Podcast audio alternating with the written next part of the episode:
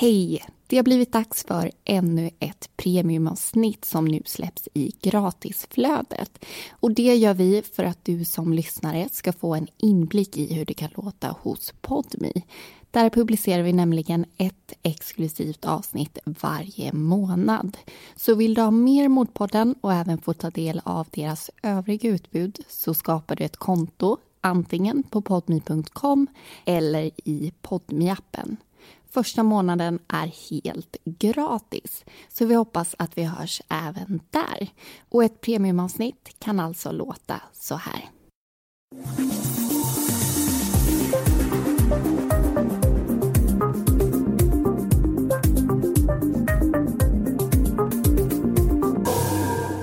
En oktoberkväll 2015 får polisen flera samtal från den skånska tätorten Vallåkra.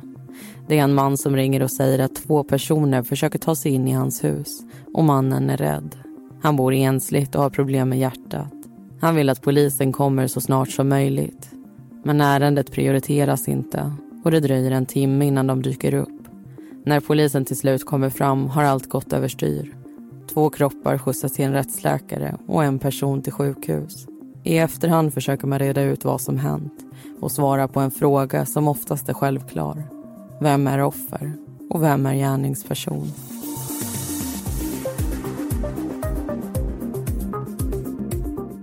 Du lyssnar på Mordpodden, en podcast om den mörka verkligheten.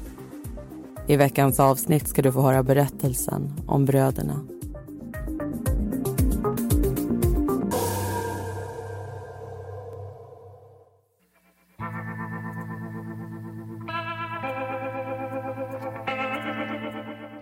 1991 och 1994 föds två pojkar. De heter Jonas och Filip och är bröder. Deras föräldrar heter Karin och Stefan. Och om några år kommer syskonskaran utökas med flera systrar. Syskon har ofta en speciell relation med varann. Den liknar sällan någon annan. Men det betyder inte att den behöver vara bra. Ibland är man för olika och ens liv går i olika riktningar. Man tappar kontakten och den där känslan av tillhörighet. Men ibland spelar det ingen roll vart man befinner sig. Bandet till ens syskon förblir detsamma. Och oavsett om livet för en åt olika håll så kommer man alltid hitta tillbaks till varann. När den äldsta sonen Jonas är nio år hamnar han i familjehem. Han har haft problem med både elever och lärare i skolan och hemma har stödet inte räckt till. Därför får han komma till Irene en kvinna som kommer vara hans fostermamma i drygt tio år. När Irene träffar Jonas för första gången ser hon en vilsen liten pojke framför sig. Hon kommer snart förstå att han är förvirrad och har svårt att läsa människor, omgivningen och sammanhang. Det är en del av den diagnos han får en kort tid efter flytten. Jonas har Aspergers och när han blir frustrerad så har han lätt att bli arg. Jonas har också epilepsi, det vill säga att hans nervceller är överaktiva och att han kan drabbas av anfall. När Jonas flyttar blir Filip kvar. Mamma Karin vet att hennes pojkar stått varandra nära och att Filip är väldigt fast i sin storebror. Uppbrottet är inte lätt för någon av dem. Och det är nu problemen med Filip börjar. Tre, fyra år senare är det den yngre broderns tur att placeras i familjehem. Men till skillnad från Jonas kommer han bo hemma i perioder. Trots att båda pojkarnas föräldrar och Irene kämpar för att de ska få vara tillsammans så får de inte komma till samma familjehem. Socialtjänsten säger emot. Däremot får de träffas. Jonas fostermamma Irene ser under mötena det starka bandet mellan bröderna. Hon får också en chans att lära känna Filip. Hon uppfattar honom som en snäll och tillgiven pojke och likt sin bror är han rädd om människorna i sin närhet. Samtidigt som de båda pojkarna växer upp på varsitt håll får Irene bra kontakt med deras pappa Stefan. Hon ser hur han kämpar år efter år för att hans söner ska få den hjälp de behöver. Han är lugn och resonlig, omtänksam. Men trots det lyssnar inte samhället på honom. Jonas och Filip hamnar på fel sida om lagen. Jonas självmedicinerar mot sin epilepsi och hamnar i ett drogmissbruk medan Filip knyter kontakter med kriminella. Mamma, pappa och systrarna bor nu i Vallåkra en liten tätort någon mil söder om Helsingborg. I närheten av Vallåkra finns både ett skogigt naturreservat och ett öppet jordbrukslandskap som så många förknippar med just Skåne. Och en av de som njuter av den vackra naturen är brödernas mamma Karin. Hon är ofta ute och går och cyklar i området. Och det är också så hon stöter på Bosse. Bosse är i 65-årsåldern och har bott i Vallåkra merparten av sitt liv. Han driver ett företag i fastighetsbranschen, har jagat sedan han var 15 år och trivs kanske mer utomhus än inne. Bosse har också hjärtsvikt vilket betyder att hans hjärta inte orkar pumpa ut så mycket blod som kroppen behöver. Trots tröttheten som ofta kommer med diagnosen ser han till att ta en ordentlig promenad med sin hund varje dag. Två och en halv timme brukar det ta och på vägen passerar han Karin och Stefans hus. Han och Karin har ofta stött på varandra så. De har hejat, pratat och börjat föra djupa konversationer. Karin har berättat när hon har mått dåligt och Bosse i sin tur har försökt stötta henne. Våren 2014 är de utan tvivel vänner. De pratar i telefon, smsar och går ut och går tillsammans. Karin tycker att Bosse är en man med bestämda åsikter. Men han är också snäll och omtänksam och hon trivs i hans sällskap. När Karin berättar för sin man Stefan om relationen är han inte lika positivt inställd. Sprickor uppstår i deras förhållande och i familjen. Jonas och Filip tar pappans parti Ingen av dem tycker om mammans beslut, eller Bosse för den delen. Och det följande året ska missnöjet visa sig flera gånger för att till slut helt spåra ur.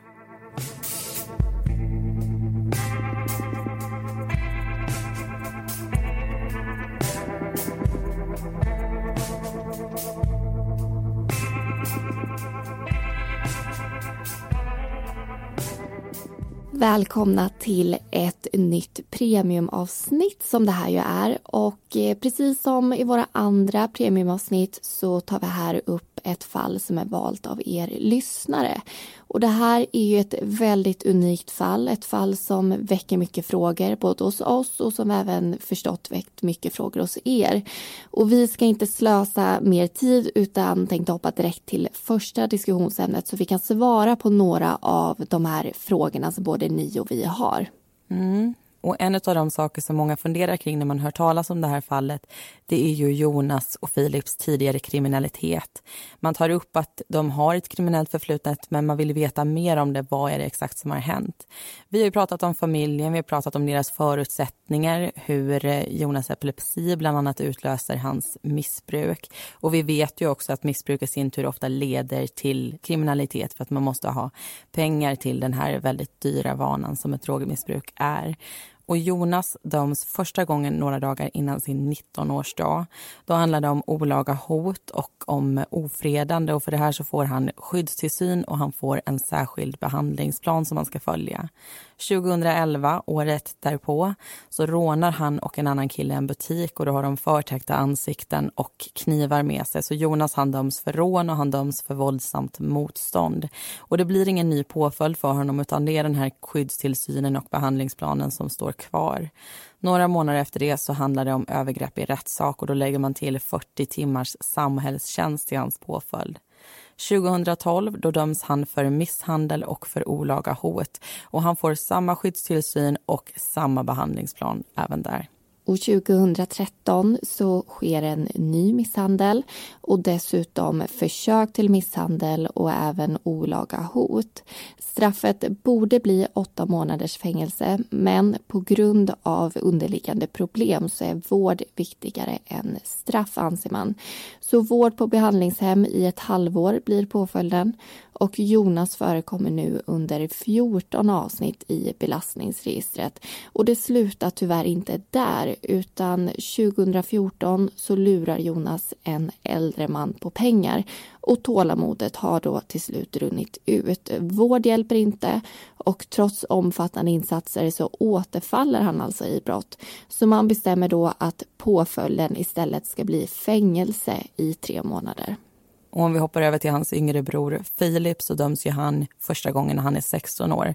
Alltså han har en yngre debut än Jonas skulle man kunna säga men han döms efter att Jonas döms första gången eftersom det är en åldersskillnad på tre år där. Och Det som händer den här gången det är att en pojke stänker juice på Filip när han är i skolan och eh, Filip svarar på den här attacken med sparkar, med slag och med knuffar. Så misshandel döms han alltså för och för det får han ungdomsvård med en särskild vårdplan. Och det sker 2011 och två gånger till samma år så kommer han hamna i en tingsrätt.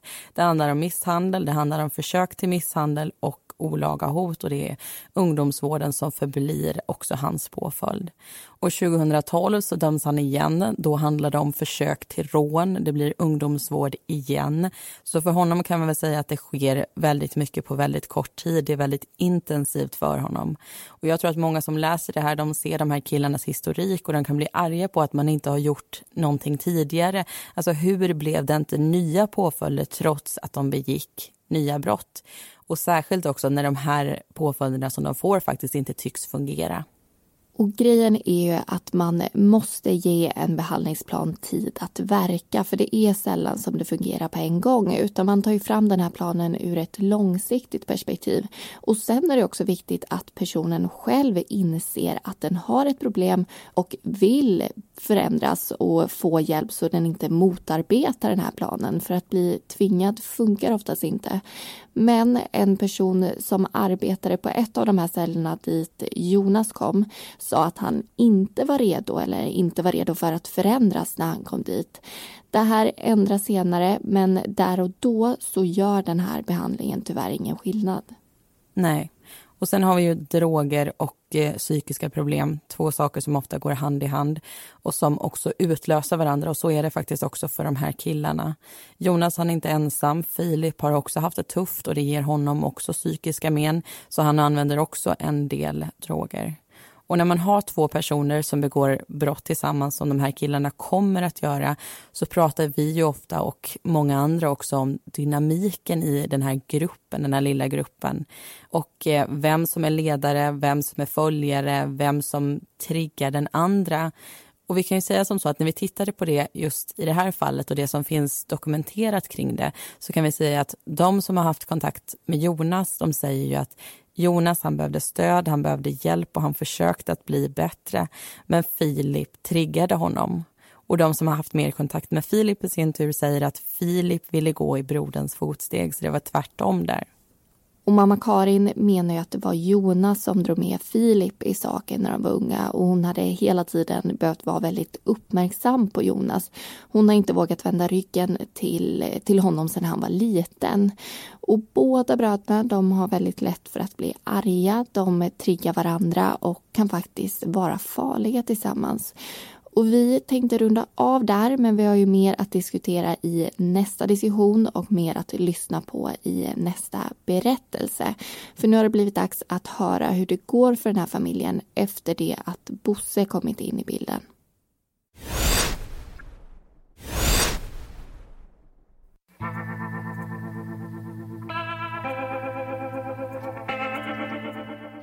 I slutet av sommaren 2014 har brödernas missnöje växt. De tycker inte om mamma Karins relation med Bosse och vill göra någonting åt det. Filip säger att Bosse ska råka ut för en olycka och att ingen ska veta att det var han som låg bakom den. Karin vet vad hennes söner är kapabla till, blir orolig och skickar iväg ett sms för att varna Bosse. Men någon olycka sker inte. En dryg månad senare kommer dock Bosse hem till ett hus med fyra krossade rutor. Han tror sig direkt veta vem som ligger bakom det och dagen därpå åker han därför hem till Karin och Stefan. Karin ser honom komma och försöker vinka bort honom. Hon tänker att det här aldrig kan sluta väl. Men Bosse är inte rädd för en konfrontation. Han knackar på dörren och Karins man Stefan öppnar. Bosse frågar anklagande om det är Jonas och Filip som slagit sönder hans fönster. I så fall vill han bli ersatt för skadorna. Karin går under tiden och hämtar sina pojkar när Jonas och Filip kommer ut uppfattar de situationen som provocerande. Filip går snabbt emot Bosse och knuffar den äldre mannen bakåt. Han faller ner för en mindre trappa och slår i ryggen. Hunden kommer snabbt till husses försvar och biter Jonas. Stefan ser hur det tänder till i sonens ögon och stoppar honom och Filip från att göra någonting mer. Diskussionen är över. Karin hjälper Bosse att hitta ett par nycklar han tappat och sen åker han hemåt. I efterhand frågar Stefan sina pojkar om de haft någonting med de sönderslagna rutorna att göra. Svaret är nej. Bosse pratar med en granne och Karin om det som hänt. Han vill inte polisanmäla händelsen utan vill att det ska lösa sig på ett annat sätt. Men någon dag efter bråket ändrar han sig. Karin ringer och berättar att Jonas och Filip är på väg hem till Bosse för att misshandla honom. Plötsligt känns det inte längre som en konflikt han kan hantera själv och Bosse ringer polisen. Bröderna anhålls och Bosse är skakig. Han upprättar flera anmälningar mot dem för skadegörelse, olaga hot och misshandel. Jonas och Filip får kontaktförbud men utredningen mot dem läggs ner i november. Under hösten görs också en motanmälan. Filip berättar att Bosse kört förbi deras hus dagligen, ibland sakta och vinkandes. Han upplever det som en provokation men hans pappa säger åt honom att strunta i det. Bosse nekar till anklagelserna och även den utredningen läggs så småningom ner. Under hösten hör Karin av sig flera gånger till Bosse och säger att hennes söner pratat om att de ska sparka ihjäl hans hund. Karin försöker också bryta kontakten med Bosse. Hon tänker att det är bäst så. Men hon saknar hans vänskap för mycket för att det ska hålla i sig. En kväll i december cyklar Karin hemifrån mot Roa, en fiskort utanför Helsingborg. Hennes man Stefan fixar i ordning i huset när han blir lite sugen på glass. Han frågar om Filip vill följa med honom och handla och en stund senare sitter de båda i bilen. Samtidigt stöter Karin ihop med Bosse. Han är ute och kör när han ser henne komma cyklande och bestämmer sig för att stanna och prata. De omfamnas i samma ögonblick som en annan bil kommer emot dem. I den sitter Stefan och Filip. Stefan saktar in och undrar vad Karin håller på med. Han skäller ut henne. När han inte har något mer att säga kör han vidare. En dryg halvtimme senare är han och sonen på väg tillbaka till Vallåkra. Karin och Bosse står kvar. Några dagar innan jul flyttar Karin ut och Stefan ansöker om en skilsmässa. Familjen splittras och några barn bor hos pappan, andra hos mamman. Som vid alla separationer är det mycket känslor och frågor som hänger i luften. Alla är inte så lätta att svara på. Men uppbrottet är inte bara negativt. Det innebär också att Karin och Bosse har en chans att vara mer än vänner. Och snart övergår det till en kärleksrelation. Bosse älskar henne. Det är Karin säker på. Och hon i sin tur har starka känslor för honom. Han vill att de ska flytta ihop, men hon är inte lika säker. I januari 2015 är Bosse ute och kör när han känner hur någon följer efter honom. I backspegeln ser han en bil som kommer närmare och närmare. I den sitter Stefan och Filip. Bosse blir rädd och ringer till sin dotter. Han tror att det är en risk att han kommer bli ihjälslagen och vill att någon ska veta vart han är. Han saktar inte in utan fortsätter att köra. Bilen bakom ligger en decimeter ifrån hans egen. Hela vägen från Mörarp och till polisstationen i Helsingborg. Precis innan han kommer fram svänger bilen bakom bort. Bosse är skakig och går in för att göra en polisanmälan. Men väntetiderna är så långa att han väljer att åka därifrån innan hans nummer ropats upp. Frågar man Stefan om händelsen så var det inte alls så det gick till. Han kommer ihåg en bil som betedde sig underligt framför honom. Men han hade ingen aning om vem som var förare. Han och Filip följde inte efter bilen utan var på väg till en motorcykelfirma i Helsingborg. Under våren dör en av Jonas närmaste vänner på grund av sitt missbruk. Det får Jonas att tänka om, vilja förändras på riktigt och skapa sig ett bättre liv.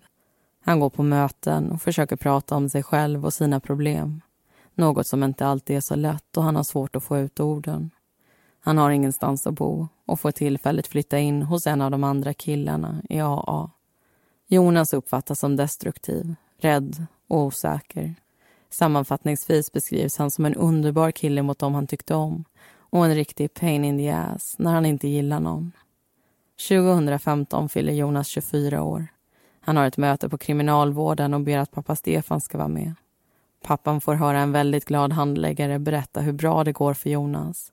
Att han varit drogfri en längre tid, fått bostad i Landskrona och utvecklats enormt.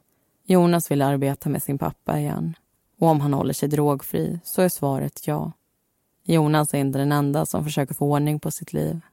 Filip börjar ta avstånd från det kriminella och får ett jobb som säljare. Lönen kommer innebära en större ekonomisk frihet och han ser positivt på framtiden. Ingen av bröderna har haft någon större kontakt med sin mamma sen hon tog beslutet att vara med Bosse. Men efter en tid ifrån sin familj känner Karin att det inte längre fungerar. Hon bryter med Bosse och försöker lappa ihop relationerna som tagit skada. Tiden läker alla sår, sägs det. Och efter att en viss tid passerat bestämmer sig hon och Stefan för att försöka på nytt. Jonas och Filip får se sina föräldrar tillsammans igen. Skrattandes och glada. Bosse ur bilden, precis som de ville. I september hade bröderna pratat med en av Jonas vänner från AA. När de diskuterade hämndaktioner hade vännen velat att de skulle lova honom en sak. Att inte leva i det förflutna. För där finns det inte någon framtid för någon av dem. Vid tidpunkten lät det som en bra idé. Som visa ord. Men den 14 oktober 2015 tränger inte längre orden in. Det är en onsdag. Bosse har varit på ett husbygge i Karlshamn under dagen. Han åkte hemifrån tidigt och är tillbaka runt klockan kvart i elva på kvällen. Han parkerar sin bil och går in genom ytterdörren. Huset han bor i ligger ensligt. Sen bråken började med Jonas och Filip har Bosse undrat vad som skulle hända om killarna gömde sig bakom ett träd eller en buske en dag när han kom hem. Men det har ännu inte hänt. Bosse tänder ytterbelysningen och släpper ut sin hund på gräsmattan. Den skäller, men han tänker inte så mycket på det. Den 67-åriga mannen går tillbaka till bilen och hämtar lite saker som ska in. När han är klar låser han dörren bakom sig och lägger nycklarna i köket. Sen går han ner i källaren på suterränghuset och sätter sin mobiltelefon på laddning. Plötsligt hör Bosse steg på trappan utanför dörren. Han går upp och ut i hallen. Ytterdörren har ett större fönster i sig och för det hänger en vit gardin. Bosse går fram och kikar ut genom den. Han ser två män och hör en röst som han känner igen. Philips. Han gissar att den andra mannen är Jonas. Bröderna förstår att han har sett dem och skriker att de ska slå ihjäl honom. Bosse tror sig dessutom se skymten av en kniv. Situationen gör honom rädd. Han går in i köket och plockar upp hemtelefonen. Sen slår han numret till sina döttrar. Ingen svarar. Han ringer då till sin syster. När hon plockar upp luren berättar Bosse att hon måste ringa polisen. Männen håller på att slå in hans dörr. Han är så rädd att han skakar och under samtalet krossas rutan i ytterdörren. Snart är de inne. Bosse säger till sin syster att dröja kvar. Sen går han per automatik till sitt vapenskåp och plockar ut ett hagelgevär. Han tar fram två patroner och laddar det i hallen. Gör han inget är han säker på att han kommer dö den här kvällen. Därför höjer han pipan och avlossar ett skott genom det krossade fönstret. Sen avlossar han ytterligare ett. Hjärtat slår hårt i hans bröst. Han tänker inte, bara agerar. Bosse ser hur männen försvinner bort och går tillbaka för att prata med sin syster. Både hon och han kommer ringa flera samtal till SOS den kommande tiden. Men när polis och ambulans äntligen dyker upp är det redan för sent för Jonas och Filip.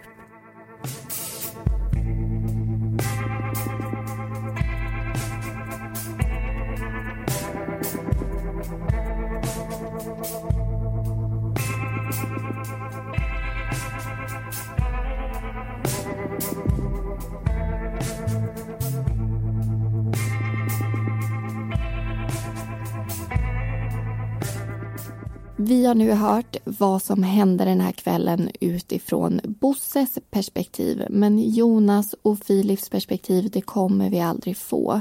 Varför de beger sig dit just den här kvällen, det kommer förbli ett mysterium för det är ju bara de som visste om det här såklart. Och det här är ju ett väldigt tragiskt fall. Det är två unga människor som mister livet och det här påminner väldigt mycket om det som hände i Rödeby 2007 där en familj utsattes för trakasserier under en längre tid och det slutade med en dödsskjutning. Och det här fallet tog vi upp i säsong 7 avsnitt 3 för er som inte har lyssnat. Och om vi då drar tillbaka till just det här fallet så tänkte jag att vi ska börja med att diskutera larmsamtalen som kommer in den här kvällen och också polisens insats den här kvällen. Både Bosse och hans syster ringer ju och pratar med SOS Alarm och de pratar också med ledningscentralen, alltså polisen, i flera omgångar. Det första samtalet som Bosse ringer till polisen antar vi sker innan skjutningen. Bosse låter då andfådd. Han berättar att två killar har slagit sönder hans dörr. De är här igen, säger han, som att det är personer som han har haft att göra med tidigare. Och innan han lägger på så säger han, gode gud, och systern hon förklarar för polisen att de måste komma snabbt. Hennes bror han har hjärtsvikt, han mår inte bra. De måste helt enkelt åka dit. Och I ett senare samtal som den här systern ringer så säger hon att killarna är kvar. De är skadade, men hon vet inte vad det är som har hänt. Och eh, Polis försöker också ringa till Bosses mobil, men han svarar inte. Och Det är helt enkelt för att han inte vågar gå ner i källaren och hämta mobilen där den sitter på laddning. Drygt 23 och 10 så säger Bosse själv att de, som han då säger, inte mår så bra och att det är akut. Men det tar lång tid innan de kommer för det här ärendet prioriteras inte och polisen förstår nog inte riktigt vad som har hänt och hur allvarligt det faktiskt är. 23.46 ringer systern igen. Hon upprepar att hennes bror är vettskrämd, att han har hjärtproblem och att de här männen fortfarande är kvar. Men var är då polisen? Polisen säger att de tyvärr inte haft någon bil ledig, det är därför de inte är där. Och systern tycker då att de kunde ha ringt och meddelat det här. Två minuter senare så beordras en polispatrull till Vallåkra. Så en minut i midnatt är polisen äntligen framme och larmar själva SOS Alarm. De har hittat Jonas skjuten och han är då antingen väldigt svårt skadad eller redan död. Och när polisen kommer fram också så försöker ju de få Bosse att komma ut ur sitt hus. Men han eh, vägrar. Han vill inte gå ut med några händer över huvudet. Och han är helt enkelt inte säker på att de här killarna verkligen är borta. Och dessutom så ser han inga poliser. Och det tar en hel del trilskandes och Bosse går faktiskt inte ut ur det här huset förrän han får se en polis i polisuniform där utanför. Då väljer han att kliva ut genom dörren och då har han bara en telefon i sin hand. Och han går lugnt emot de här poliserna och eh, två stycken kommer fram till honom. De greppar tag i varsin arm på honom och han tas alltså åt sidan klockan 00.19. Och hur det här hanteras det kan man tycka det är både bra eller dåligt. Jag kan säga som så att jag hade nog inte känt mig så jättenöjd med polisens insats om jag hade blivit utsatt för ett brott, om jag hade försvarat mig och sen ringde polisen och det är jag som blir gripen. Hur hade du känt, Amanda? Ja, men när du säger det på det sättet, att man blir utsatt för ett brott och eh, försvarar sig, så känns det ju fel att bli gripen. Men jag tänker att vi får inte glömma på vilket sätt den här mannen har försvarat sig om jag hade försvarat mig genom att skjuta två personer som nu antingen är döda eller allvarligt skadade så hade jag förstått varför jag blir gripen även om jag känner att jag skjutit i försvar. Sen måste man ju såklart vara i något slags chocktillstånd såklart så det är ju lätt att sitta här och tänka logiskt men när man befinner sig mitt i situationen och känner att man blivit Eh, ja, men attackerad så skulle man säkert reagera annorlunda. Och polisen uppfattar ju Bosse som ganska förolämpad. Han vill inte riktigt svara på deras frågor efter att de greppat tag i honom och fört honom åt sidan. Och polisen måste ju såklart tänka på sin egen säkerhet i de situationer de hamnar i. De har ju inte alla fakta när de kommer dit. Så att vara godtrogen i fel situation, det kan ju kosta en själv eller kanske en kollega livet. Så det är alltid bättre att vara försiktig än att få en farlig situation i sina händer såklart. Mm, det har du helt rätt i faktiskt. Och Bosse han får göra ett utandningsprov den här kvällen, eller den här natten ska vi säga. Och det visar på att han har 0,0 promille i blodet. Han har alltså ingen alkohol i kroppen. Sen lite senare så kommer han köras till ett sjukhus och det är helt enkelt för att han har snabb puls och eh, på morgonen så kommer han släppas därifrån.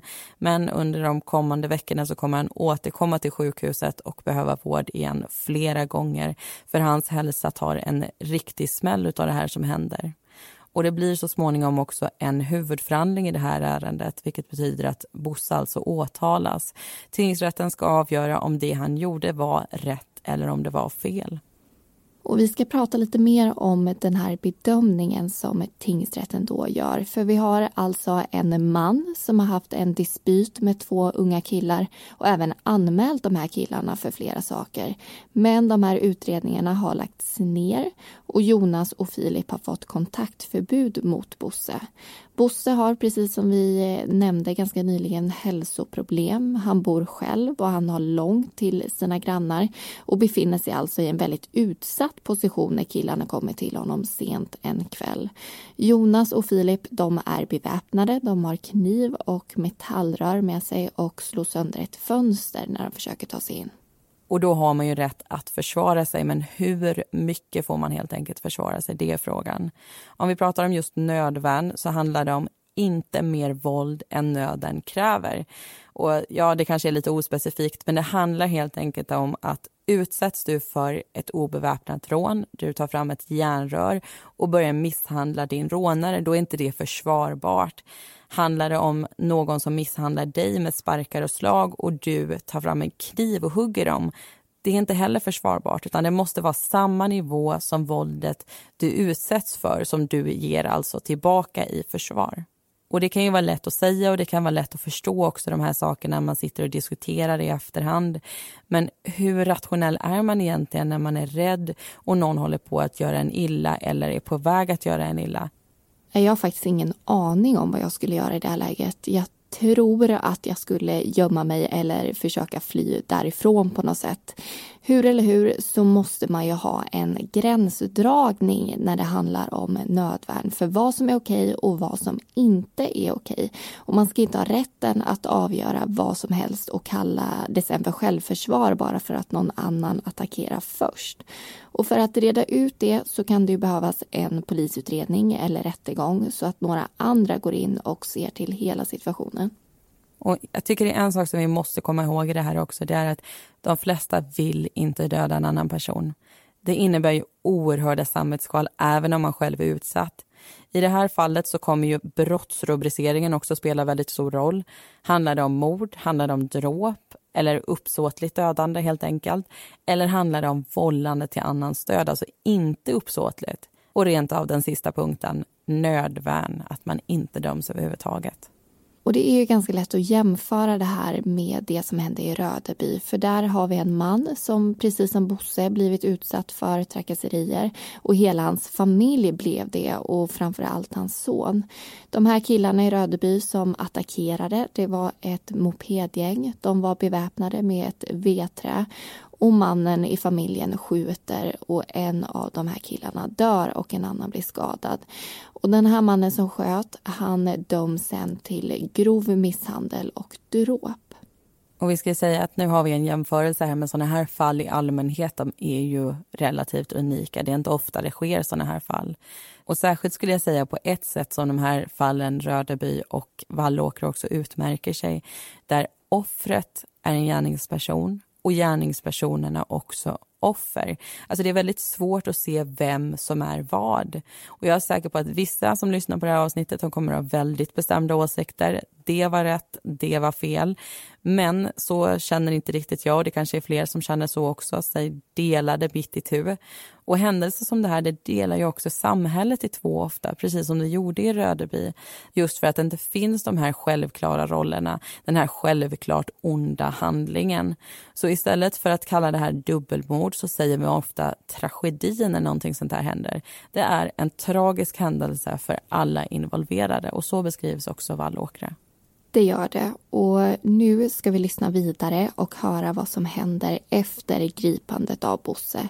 Vilka konsekvenser det här kommer få för honom och även för Jonas och Filips familj.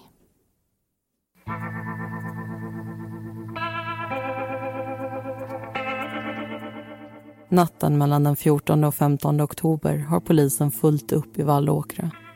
Efter att Bosse gripits får en polishund söka igenom området efter spår. Den finner ett och hund och hundförare följer spåret som slutar i en trädgård. Runt klockan fyra på morgonen får Bosse åka ambulans till sjukhuset på grund av sitt hjärta. Det slår för snabbt. En patrull följer med och resterande blir kvar vid huset. Området spärras av och man gör en teknisk undersökning. Polisens bilar står i utkanten av en större plattläggning som leder fram till ytterdörren. På stenarna står Bosses bil och bakom den ligger 24-åriga Jonas. Ansiktet är täckt med ett svart tygstycke med två utklippta hål, en hemmagjord balaklava. Intill kroppen hittar man också ett vitt metallrör som är böjt i en änden.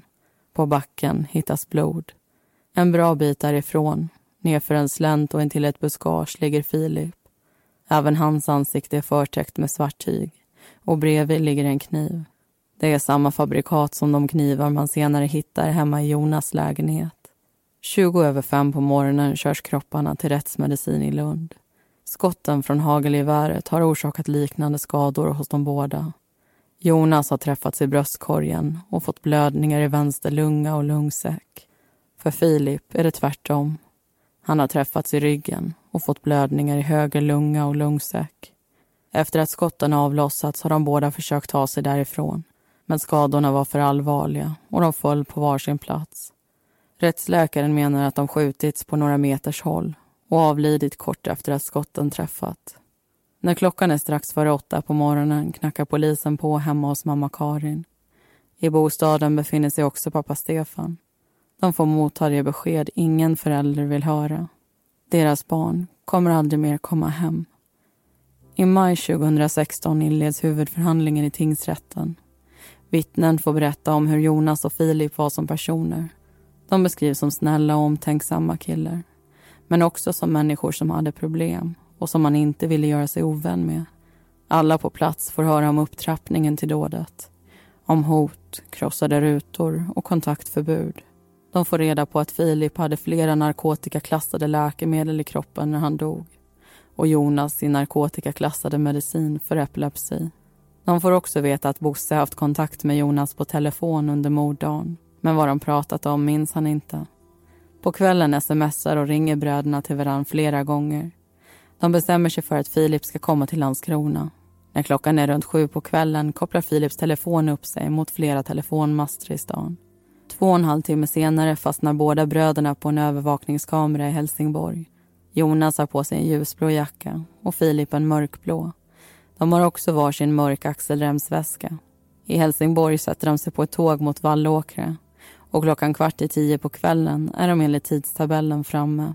En timme senare vet vi att Bosse kommer hem och vid midnatt är polisen på plats och båda bröderna döda. Bosse har under utredningen berättat för polisen om det han vet och det han gjort så gott det går. Man litar på att det är så som han säger. Men det betyder inte att han har agerat korrekt. Det anser i alla fall inte åklagarna. Försvaret hävdar nödvärn, men de åtalar honom för mord. Del för del gås kvällen igenom och de beslut som Bosse tagit. Kunde han ha fattat ett annat? Var det planerat eller skedde det hastigt? Man kommer fram till att Bosse avlossat skotten för att han trodde att det var fråga om hans liv eller deras. Men det betyder inte att så var fallet. Jonas och Filip hade visserligen slagit sönder fönstret i dörren men det behövdes en nyckel för att öppna den även från insidan. Och det var ingenting som de hade. När Bosse sköt mot dem gjorde de ingenting. De hade slutat slå och sparka mot dörren och stod stilla. Och som en person som jagat i 50 år borde Bosse ha förstått att hans skott var dödliga. Han hade kunnat skjuta för att varna eller för att skada. Men det gjorde han inte. Att Bosse ringer polisen och försöker få hjälp till platsen ser man som förmildrande. Men han säger aldrig att han har skjutit killarna. Bara att de inte mår bra och inte kan ta sig därifrån. När polisen ställer frågor senare i utredningen är han hjälpsam och även det ser man som förmildrande. Men en sak Bosse berättar kan man varken bevisa eller motbevisa. Han säger att det inte bara var Jonas och Filip där den kvällen utan även en tredje person. Det enda som pekar i den riktningen är dock spåren som hunden fångar upp i trädgården.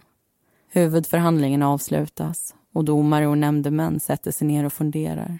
Funderar över en tragisk situation som lämnat många drabbade. Där rollen offer och gärningsperson inte är så lätt att tilldela. I väntan på domen släpps Bosse ur häktet. Hans hälsa har fått sig en ordentlig törn. Han har gått ner en hel del i vikt och hjärtat ger honom mer besvär än tidigare. När beslutet kommer får han veta att han har blivit dömd för dråp och ska spendera fyra år i fängelse. Han ska också betala skadestånd till killarnas familj. Domen överklagas till hovrätten som står fast vid samma brottsrubricering. Det är en fråga om dråp, men straffet bör enligt dem sänkas. Det blir två år i fängelse istället för fyra. Ingen överklagar till Högsta domstolen. Fallet har därmed fått sin uppklarning. Men det finns ingen vinnare i den här historien, likt alla andra mordsagor. För Bosse väntar fängelse istället för pension han tvingas också leva med två liv på sitt samvete. För Karin och Stefan handlar det istället om att hitta orken och ta sig igenom förlusten av två barn. Precis som deras döttrar måste ta sig igenom förlusten av två bröder. Jonas blev aldrig äldre än 24 år och Filip aldrig mer än 21. De planerade båda för en framtid men kunde inte släppa det förflutna. Och det där starka bandet som höll ihop dem alla år isär tog de tillsammans med sig i graven.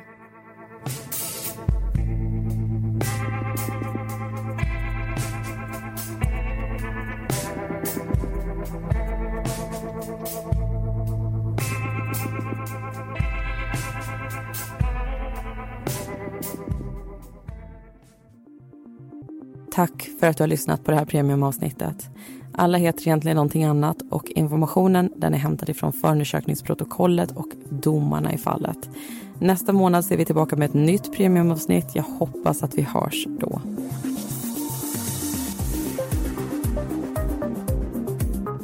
Vi som gör Mordpodden heter Linnea Bolin och Amanda Karlsson. Bakgrundsmusiken består av låtarna Lasting Hope, Lightless Dawn och Soaring av Kevin MacLeod samt Deep Space av Audionautics.